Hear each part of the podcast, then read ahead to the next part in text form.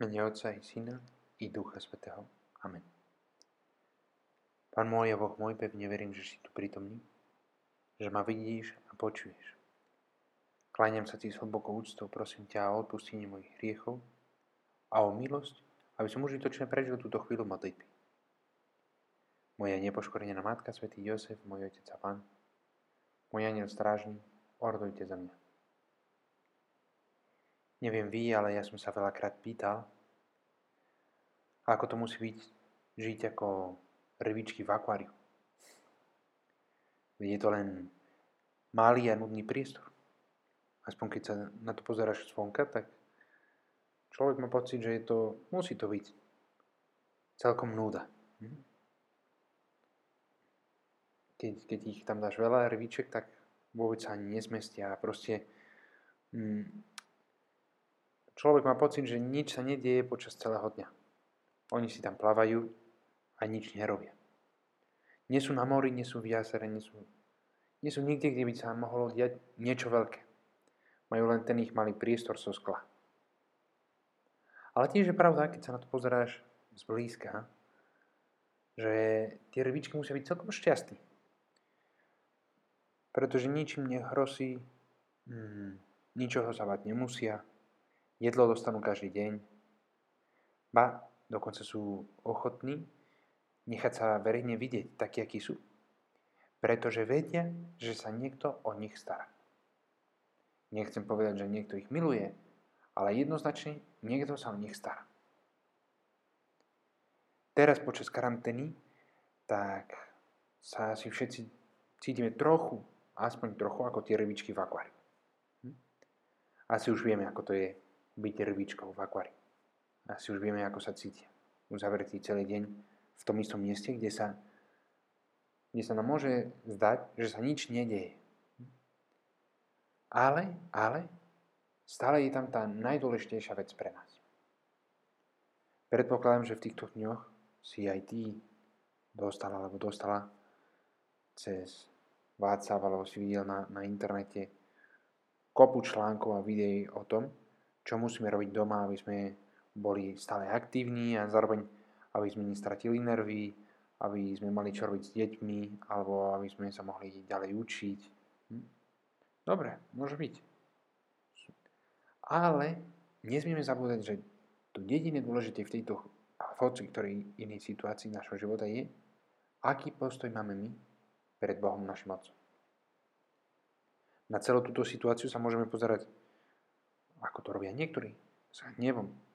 Oni sa proste hnevajú, ako keby to bol len ich problém. Prečo ja? Prečo teraz? Prečo v tejto chvíli, v tejto situácii, keď ja som mal pripravené toto a tamto, keď som chcel toto a tamto. Ale sú takí, čo sa na to pozerajú so strachom. Oni sa na to proste vždy pozerajú tak, ako by sa pýtali, že no a čo potom? No dobre, teraz, teraz máme jedlo a to, čo potrebujeme, ale čo, čo ďalej? Čo ak pôjdem do Teska a nebude Savo? Čo ak pôjdem do lekárne a nebudú pilulky? Hm? Čo keď, čo keď? A je dobre, je dobre pýtať sa, hm, čo máme robiť a čo budeme robiť ďalej. Ale v každom prípade môžeme a dokonca aj musíme sa na to pozerať správnym pohľadom. Ako tie rybičky. Nad nami je Boh, náš Otec. A On už bude vedieť, čo ďalej, čo potom a čo ak. On bude vedieť, lebo ak dovoluje všetky tieto veci, tak to je vždycky jeho vôľa. On len ráta s našou odpoveďou.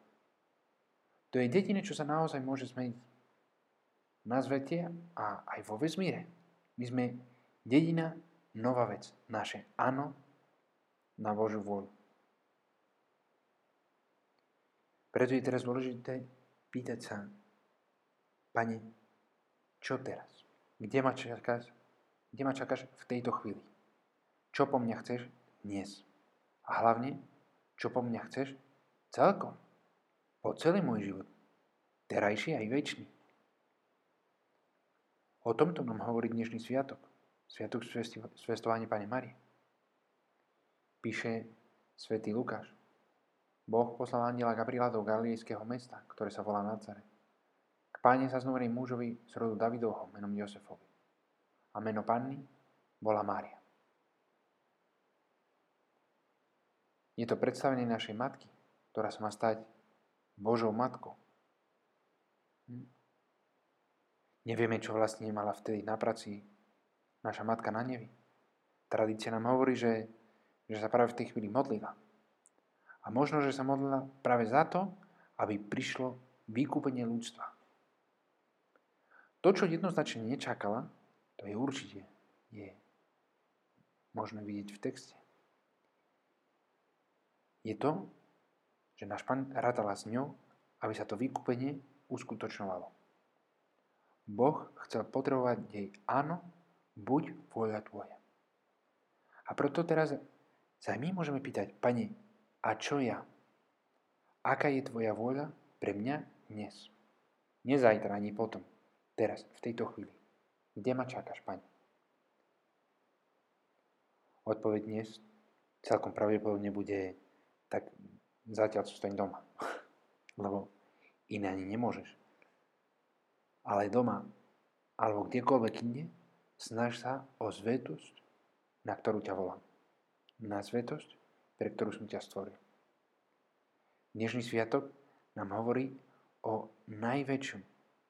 Áno, buď vola tvoja, čo sa niekedy vyzlovilo od úst stvorenia. A toto áno zmenilo naozaj históriu ľudstva. Každý deň, keď sa o 12. hodine modlíme aniel Pana, pripomíname práve túto chvíľu.